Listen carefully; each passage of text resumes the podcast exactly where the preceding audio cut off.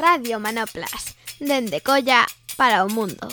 Mira na roda da vida, vira como unha buxaina. Benvidas a Radio Manoplas, estamos nunha nova entrevista e hoxe temos con nós a Inma Araujo López. Boas, Inma. Hola, buenas. Eh, nada, primeiro, por colocar onde estamos. Estamos en Viñemos a Alborada O local que teñen aquí na Seara Que para min isto é eh, a academia onde preparei selectividade. Eh, Entón, estou así un pouco confuso Porque este espazo eh, vin 15 días antes de preparar a selectividade Algo que estaba así un pouco de moda De vir a facer así como un repaso exhaustivo de, de, de, de todo contido de COU, que era o que estudiei eu. Pero agora, Inma, isto non ten nada que ver con selectividade, nin bacharelato, nin nada diso, non? No, no, pero foi un espacio que encontramos e quedamos moi contentos porque tiene un mogollón de aulas e salas, pero sobre todo, lo máis importante, todas as ventanas tienen los árboles del Parque da Seara, con lo cual a nivel terapéutico ayuda muchísimo a quien viene y quien puede pues estar, no es lo mismo estar viendo una ventana llena de edificios o con una pared que ver pues por la ventana y ver árboles. Y nos da la posibilidad de que en un momento determinado también bajar y poder hacer hasta la terapia abajo, debajo de los árboles. Entonces el espacio es muy, muy bueno. Eh, Imasa dixo unha palabra así clave que terapia. Eh, fala, eso fala algo do, da túa formación, da túa profesión eres psicóloga ¿no? en activo e de estudios e te comentaba antes de, de iniciar así a grabación eso, cando eras así máis cativa eh, sabía unha psicóloga dentro de ti ou por que pensas que chegaches eh, no tempo a dedicarte a isto? A ver, yo no sé si lo había o no. Sí es cierto que yo desde los 14 años ya empecé a hacer voluntariado. Eh, y, y, nunca dejé de hacer voluntariado. Cuando llegué a, a, a COU, yo no sabía lo que quería hacer porque por la situación económica de mi familia no podía permitirme algo fuera y veía todo lo de dentro y decía, pues no me gusta nada de Vigo. Y tuve la gran suerte de que la orientadora que no conocía, pues vino a hacernos un test de estos que uno nunca cree en estas cosas y le dijo, oye, ¿qué me dio a mí? Porque yo no tengo ni idea de lo que voy a hacer. Me dice, uff, pues lo tuyo clarísimo, lo tuyo es dedicarte a la ayuda social. Y dije, uff, pero aquí en Vigo no hay nada. Y entonces me habló de la UNED, que existía la universidad a distancia. Entonces, bueno, fui trabajando y estudiando a la vez y, y ahí descubrí que sí, que era mi vocación y que ahora mismo la tengo clarísima. Y a esta orientadora una vez me la encontré al cabo de los años, no me reconocía perfectamente y le dije gracias porque cambiaste mi vida y, y encantada además. E cando eras así máis pequena, antes dos 14 ou os 10, así nas túas relacións eh, coas outras, non? Coa xente, as amigas ou na familia, se había cousas que logo as desenvolviches así no futuro, dentro do que pode ser o, o tema profesional, así? Eh, no sé, mi padre me definía como una abogada de... ¿Cómo se dice? Abogada? Ay, no me acuerdo ya cómo me decía. ¿Cómo era? De abogada de defensa de... de no me acuerdo cómo era. Una frase muy típica de aquella sí, sí, época. Sí, ¿Te das cuenta? Pero... dos pobres, no. No, no... Abogada de las causas perdidas. Eso. exacto, exacto.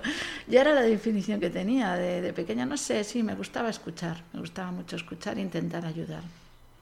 Quizás con la, con la inocencia de aquella de que tú intentabas ayudar eh, cuando a lo mejor ni te lo pedían. Luego con los años vas aprendiendo que las buenas intenciones no son lo que ayudan, sino el ayudar a quien quiere ser ayudado.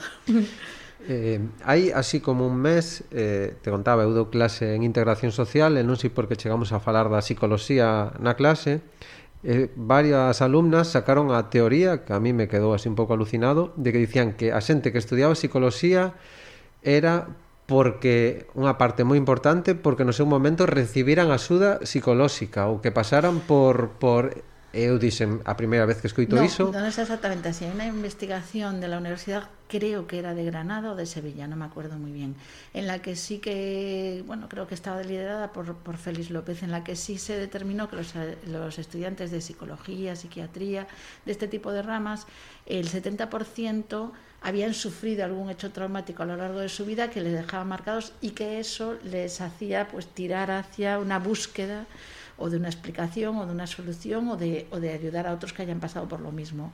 Pero hay un 30% en los que me estoy incluyendo yo, porque por suerte mi vida ha sido muy normal y sin hechos traumáticos, en los que, pues bueno, es un tema más que surgió por la vocación eh, propia, no porque nos haya sucedido algo. Pero sí, sí que, sí que van bien encaminadas en la idea, porque sí que hay un algo de esto. Y cuando vienen, por ejemplo, aquí tenemos muchos alumnos en prácticas y tenemos personas que, que vienen por, por tema de práctico o de, o de prácticas de másters y muchos sí que te cuentan su propia historia personal. Y es curioso, los chicos y chicas que yo atiendo, muchos de ellos expresan que les gustaría poder dedicarse a esto para ayudar a otros que hayan pasado lo mismo que ellos.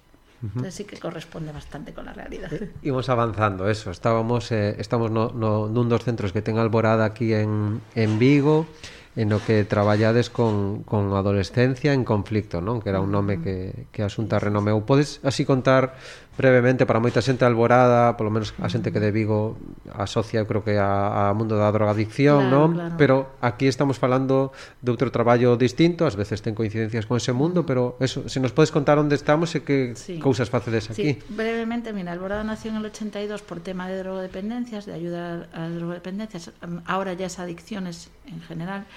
Eh, pero sí que en el 2000 se generó un recurso totalmente diferente que sería ayudar a adolescentes en conflicto, que sí coincide que a veces esos adolescentes que han pasado historias muy traumáticas o que están teniendo una adolescencia muy conflictiva, en algunos de ellos sí que hay un uso abuso de drogas, pero no exclusivamente, es una minoría de todos los que atendemos al año. Eh, y es un local diferente, un recurso diferente, pero pertenece a la misma ONG. Alborada tiene el programa de prevención en coles, el programa con menores y el programa con adicciones. Tiene tres programas diferentes, como muchas ONGs que trabajan distintos recursos. Pero, pero sí, tenemos, eh, tenemos ese origen. Eh, eso falamos antes, o tipo de rapazada que ven por aquí ven derivada pola Xunta, non? Chega a través de, de expediente do Servizo de Protección da, de Menores da, da Xunta. Uh -huh. E que tipo de, de, de rapazada pasa por aquí ou que tipo de problemas está de saber, non sei se nos últimos tempos vedes algún cambio na realidade da destes rapaces e rapazas que veñen por aquí, eh, porque igual pode ser que eh, seguimos pensando no que a adolescencia en conflicto ten máis que ver con, non? con, con algún tipo de perfil, se se pode empregar esa palabra, pero non sei se nestes últimos meses ou anos vedes que hai unha evolución ou algún cambio en algunha dirección dese de Yo, yo llevo 20 años, igual que lleva nuestro centro de menores de Alborada, y te puedo asegurar que en 20 años he visto cambios continuos. no es solo últimamente, ¿no? sino que ha habido cambios también con respecto a lo que va cambiando en la sociedad. Pero bueno, ceñiéndonos a esta última temporada, pues sí que he notado cambios, pues que pasamos de un momento muy nini, de un momento muy nini, a de repente que el confinamiento, la pandemia, la realidad, eh, ha generado que, que, que muchos hayan retomado la conciencia de que hay que estudiar, de que hay que hacer algo, de que plantearse un futuro, ¿no?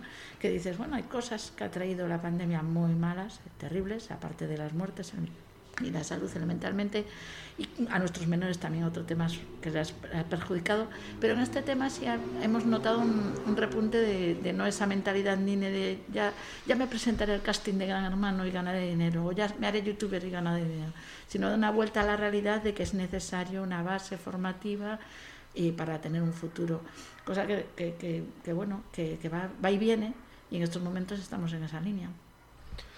Y mm, pensaba oír para aquí que ser, bueno, crianza o ser adolescente en últimos anos, nunha sociedade como a nosa, tan marcada polo consumo, individualismo, mm. eh, que é moi difícil, non? Nos últimos Nestes meses se falou moito da pandemia da xente maior, non? As cifras de mortes é verdade que son moi grandes, pero infancia e adolescencia nun período moi crítico, moi sensible, moi significativo, pois perderon oportunidades moi grandes nestes xa moitos meses que está a durar a pandemia e ás veces parece que eh, ou se lles criminaliza por unha banda non? Nas, nas condutas que aparecen por parte de, deles ou se esquece que eles tamén están a ser un gran, bueno, grandes sufridores porque mm, hai momentos vitais que non van recuperar e que van a estar marcados por iso. En que medida pensas que afecta a realidade que tedes aquí ou, ou, ou será a, a ese grupo Fíjate, da poboación? Yo, yo creo que hai dos, dos grupos de, de población, la, la tercera edad y la adolescencia, que yo creo que para mí han sido los grandes sufridores.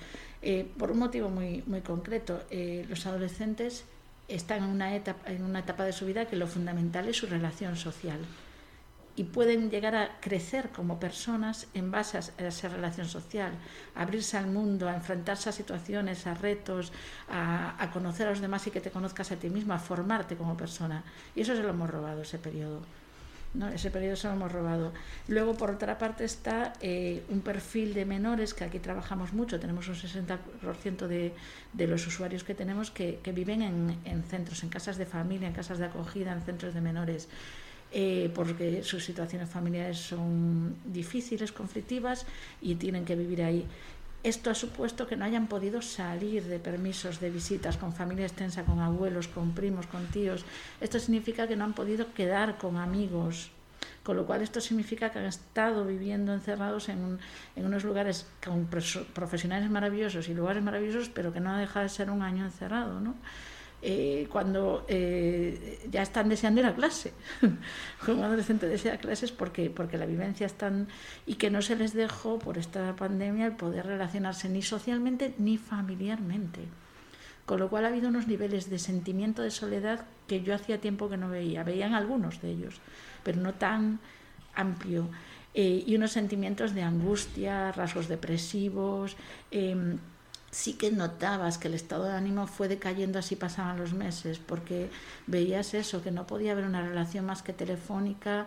Eh, y fíjate, decimos mucho que están habituados a las redes, pero siguen necesitando ese abrazo, siguen necesitando ese contacto, siguen necesitando salir, airearse, respirar y estar con los suyos. Y entonces sí que hubo un bajón anímico muy importante ya de por sí, tú antes lo mencionabas, que la sociedad les hemos ido facilitando que se hagan adictos a los videojuegos, a las redes, a los seriales, a los, a los reality, que, que no es que ellos se hayan hecho adictos, es que nosotros se lo hemos ido metiendo por ojos, por todos los sentidos se lo hemos ido metiendo, porque es curioso que los culpabilicemos cuando ellos tienen lo que nosotros les ofrecemos. Tenemos adictos a la pornografía, tenemos adictos a un montón de cosas, pero porque nosotros se lo tenemos facilitado. Hay en otros países que no está tan facilitado y se nota que no hay tantas adicciones. Entonces, claro, viene de repente una temporada en la que eh, ya te obligo más todavía a estar más encerrado en esto que justo es lo que te perjudica.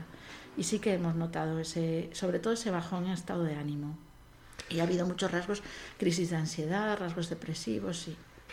Eh, o sufrimento non se expresa de moitas formas, non? En algúns casos, como pasa por aquí en ás veces en, en lesións cara a si sí mesmos, non? En forma de consumos ou de algún tipo de conduta ou, ou relacións eh, complicadas cos que viven alrededor eh, outras no mundo máis da delincuencia non? En, de, en delitos eh, en este tempo ou algo así que, que beso mm, que está a pasar sobre todo en parte do alumnado co que traballo o tema de, de agresións, violencias sobre os seus propios corpos en forma de trastornos de alimentación en moitos casos, non? E me parece igual é unha cousa que por proximidade pode ser que agora teña así máis sensible, pero me parece que nos últimos tempos a adolescencia, en xeral a poboación, as violencias se están expresando moito cara adentro, non? Cara cara a violencia, para sufrimentos en forma de eh, o tema da alimentación, pero tamén de deterioro sí. da saúde mental. Bueno, yo, yo no creo que haya aumentado, yo creo que se visibiliza máis.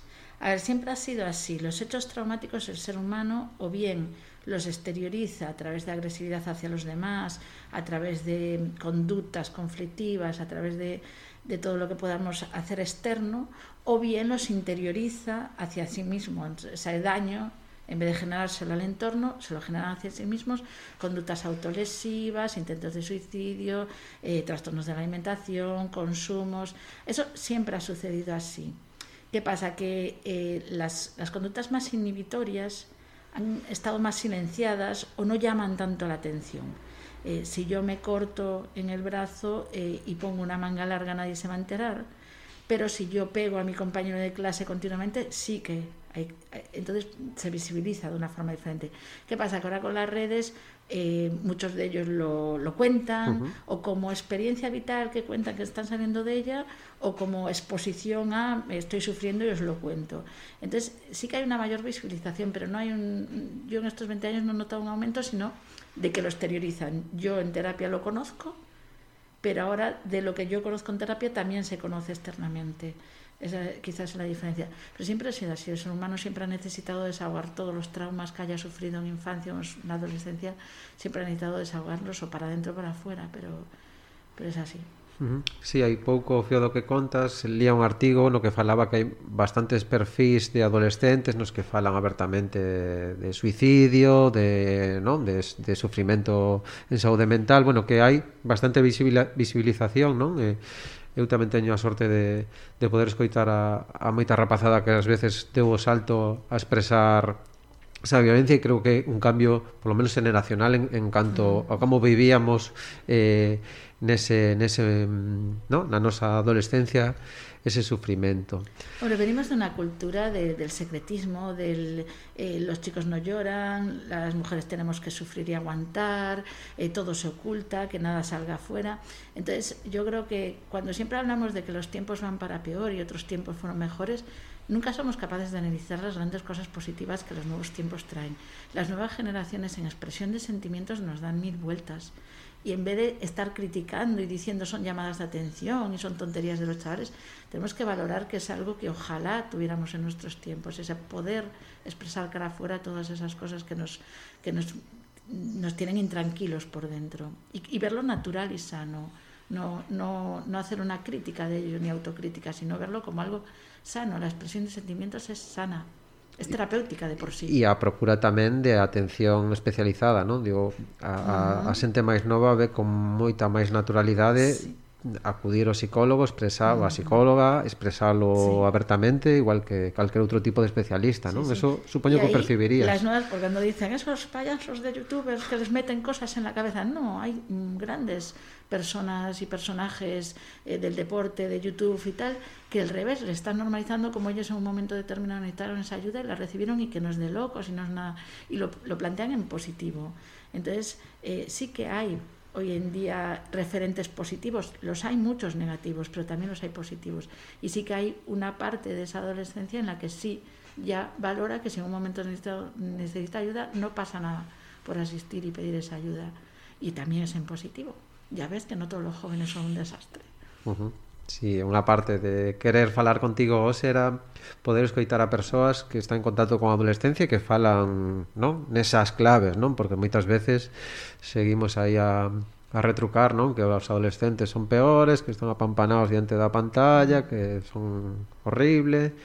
Eh, seguindo con, con esta conversa, eh, ademais de traballar en Alborada, participas activamente en Amino, non? Unha, unha, unha asociación Eso, podes contar que a mí no que facedes e, e por qué, sobre todo porque porque diche de so paso hai uns anos vale, de pues, comezar con ela. Pues fíjate, tiene que ver como somos profesionales que trabajamos muchísimo con adolescentes y, y, y niños y niñas que han sufrido mucho maltrato, abuso sexual, eh, maltrato de todo tipo, físico, por negligencia, por abandono, eh, psicológico, eh, víctimas de violencia de género.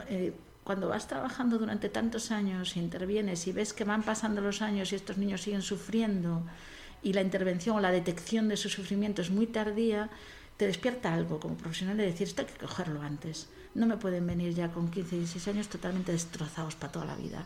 Si esto lo hubiéramos pillado con 8, con 7, si se hubiera detectado, se hubiera frenado.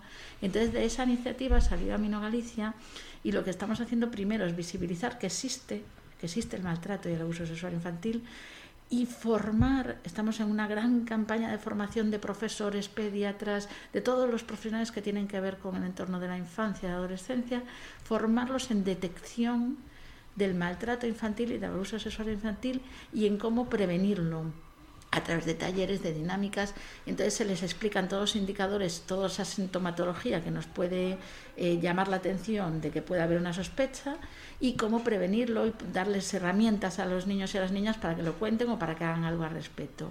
Entonces, de ese carácter de buscar la prevención y la detección precoz, de ahí nace Amino y somos un grupo de profesionales voluntarias que formamos la Junta Directiva, que sacamos adelante los proyectos. Ahora mismo se nos han aceptado dos, el de poniendo lentes en colegios, estamos yendo a todos los colegios de Galicia. Eh, ahí ya fue necesario contratar a, a, profesionales porque como voluntarios no damos abasto al hacer todo. Y el poniendo lentes en, en el deporte, y en los centros formativos de, ciclos formativos que tengan que ver con la infancia y en, en los centros de menores. ¿vale? Entonces estamos formando profesionales principalmente, a la par que tenemos una asesoría eh, legal y terapéutica telefónica que se hace orientación a familias, a niños, a, a profesionales que llamen, eh, los atendemos en orientación. Entonces el carácter de AMINO es un carácter de voluntariado cara a la prevención y la detección precoz. Y el carácter de Alborada es un carácter de intervención ya, intervención psicoeducativa en los que ya tienen todo ese daño y hace falta trabajar todo ese trauma.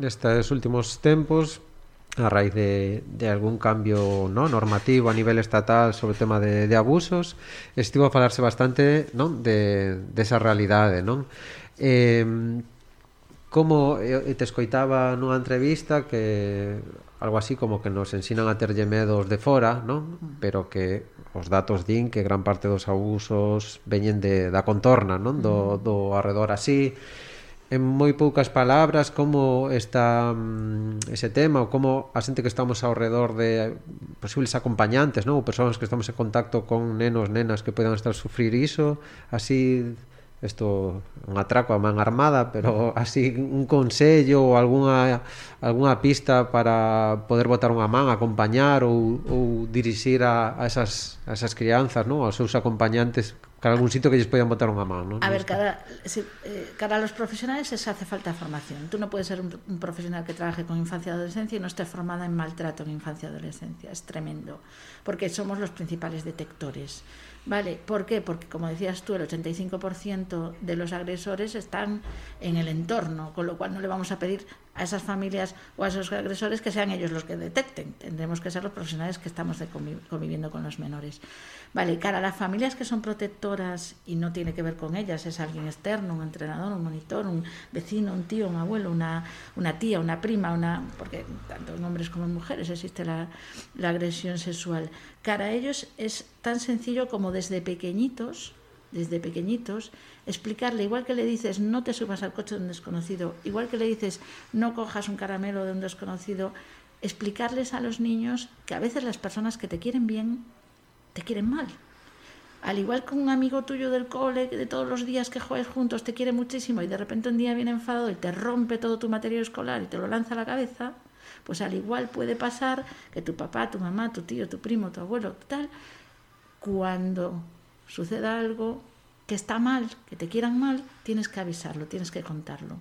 Entonces, si nosotros desde muy pequeñitos a los niños les normalizamos, yo cuando llegan los adolescentes que me llegan a intervención, eh, siempre les pregunto, ¿por qué me lo cuentas a mí ahora y no las contó en todos sus años? ¿Por qué de repente con 16 sale esta bomba y llevas 16 años ocultándola? ¿Y sabes qué me responden? Porque tú me lo has preguntado. Porque tú me has contado que esas cosas pasan y entiendo que tú me vas a creer, entiendo que tú no te vas a asustar y entiendo que tú estás preparada para escucharlo. Pero si nunca me has hablado de esto, yo no sé cómo te lo vas a tomar. Si nunca me has hablado de esto, yo pienso que es algo muy raro que me pasa a mí y que a lo mejor soy yo el culpable y no te lo voy a contar.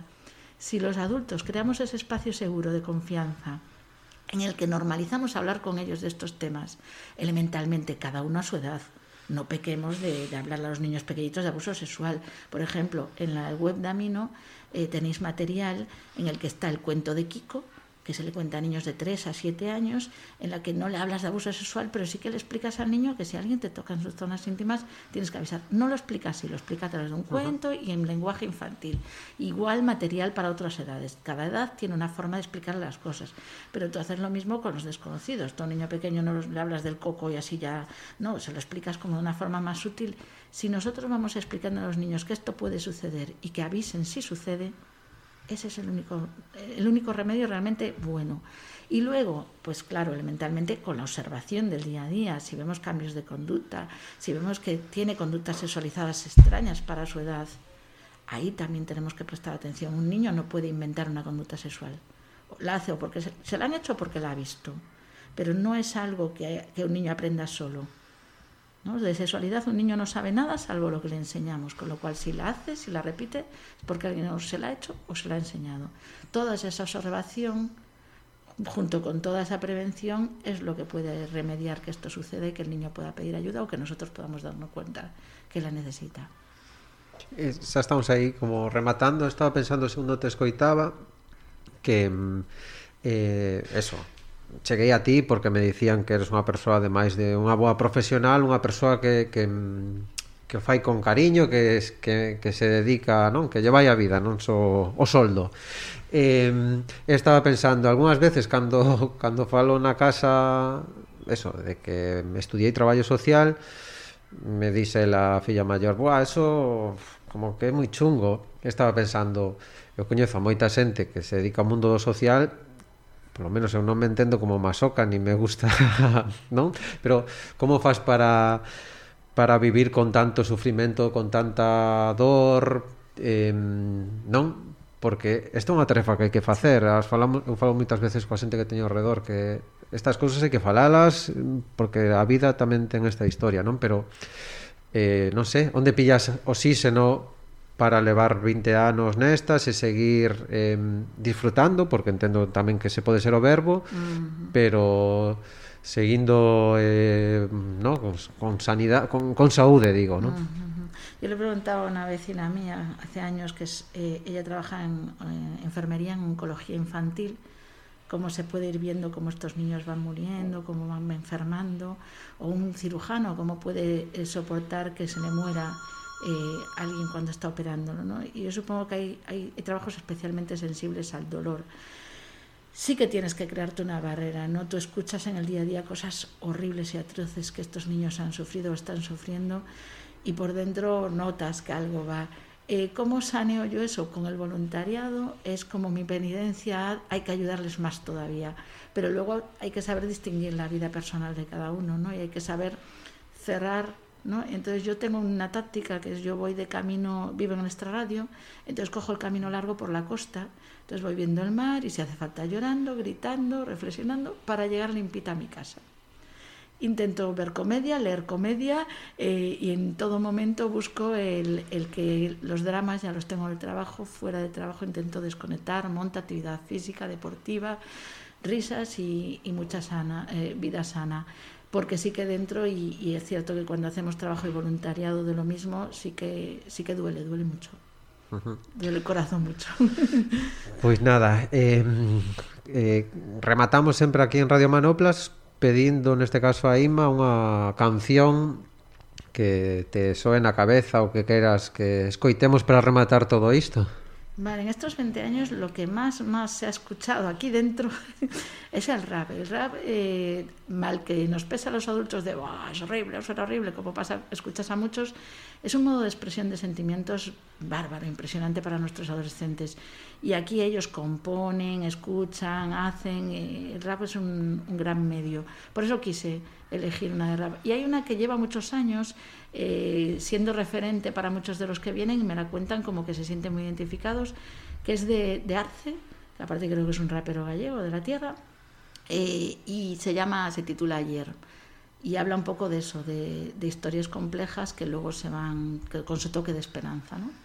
Vale, pois agora nun, nun segundos comezará a soar a canción de Arce e nada, moitas gracias Inma por compartir con nos estes minutos. A ti por brindármelo. Ata logo, quedamos escoitando a música.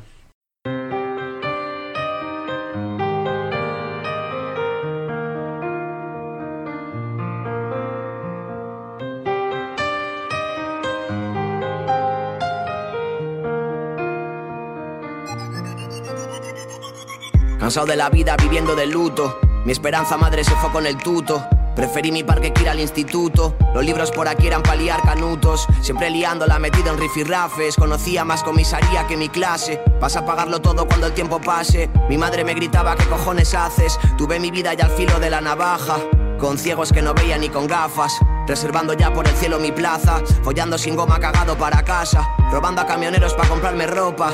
Ganando respeto, cagando bellotas. No éramos más hombres por echar pelotas. Llegándole a mi madre con la cara rota en los huesos. Se hacía grande la chaqueta. Solo quería comerme un par de tetas. Éramos niños sin jugar a la cometa. Tocando la gaita y fumándome la trompeta. No queda para salir, robando latas, chupando ron como si fuéramos piratas. Salía hecho un pincel, volvía a cuatro patas. No quedaría por un beso de la flaca, contando fajos y bebiendo lo barato. Sin probarla ni siquiera haciendo tratos. Joder, si yo iba para delantero nato. Sin pelos en los huevos, fumando tabaco. Dejé de meter goles, preferí cerveza. Mucha inteligencia y poquita cabeza. Dejé fútbol porque me daba hasta pereza. A tomar por culo cero la promesa. No quiero saber nada de los demás. Ya no, ya no quiero más.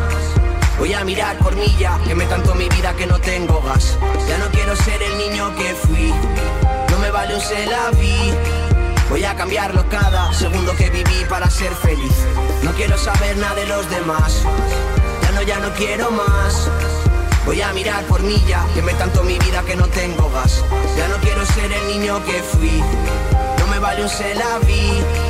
Voy a cambiarlo cada segundo que viví para ser feliz. Los libros, mamá, me chupan el pito. Papá luchó para que jugaran el equipo. Me lo metía en vez de vender el perico. Viendo a Tony Montana soñando ser rico. Era un caniche que se volvió perro presa. Que no hay huevos, yo la tenía gruesa. Rompí el puzzle y me quedé una buena pieza. Esta carga que llevo primo como pesa. Estudia hijo si quieres tener joyas. Tanto fumar, papá, no me da la olla. A mí eso del colegio me chupa la polla.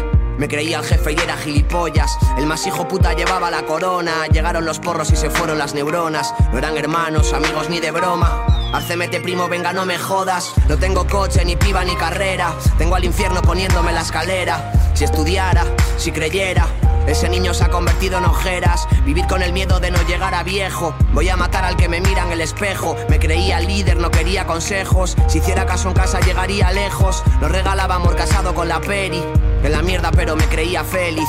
No entendía nada de la puta peli. Hermano, no metas nada por la nariz. Me comía el corazón la farlopa de Perú.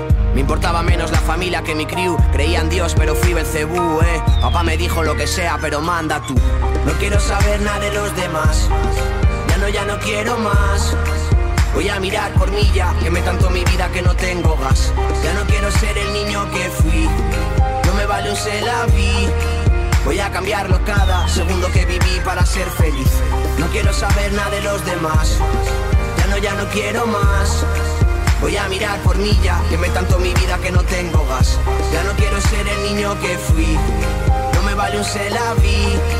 Voy a cambiarlo cada segundo que viví para ser feliz. A veces queremos vivir demasiado rápido, no hacemos caso, vivimos lejos de nuestra vida. Queremos drogas y pibas, nos queremos líderes y en verdad somos marionetas, hermano. La putada es que nos damos cuenta tarde, a veces ya ni sirve.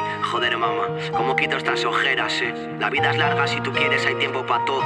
Solo tira del deporte y haz caso a tus padres. Eh, más de un colega se fue, pero ahora arrepentirse de qué sirve. ¿De qué sirve? Mando con lágrimas paz para mis viejos y mis hijos jamás llevarán mi vida. Palabra, eh, mi legado es mi música, mi música.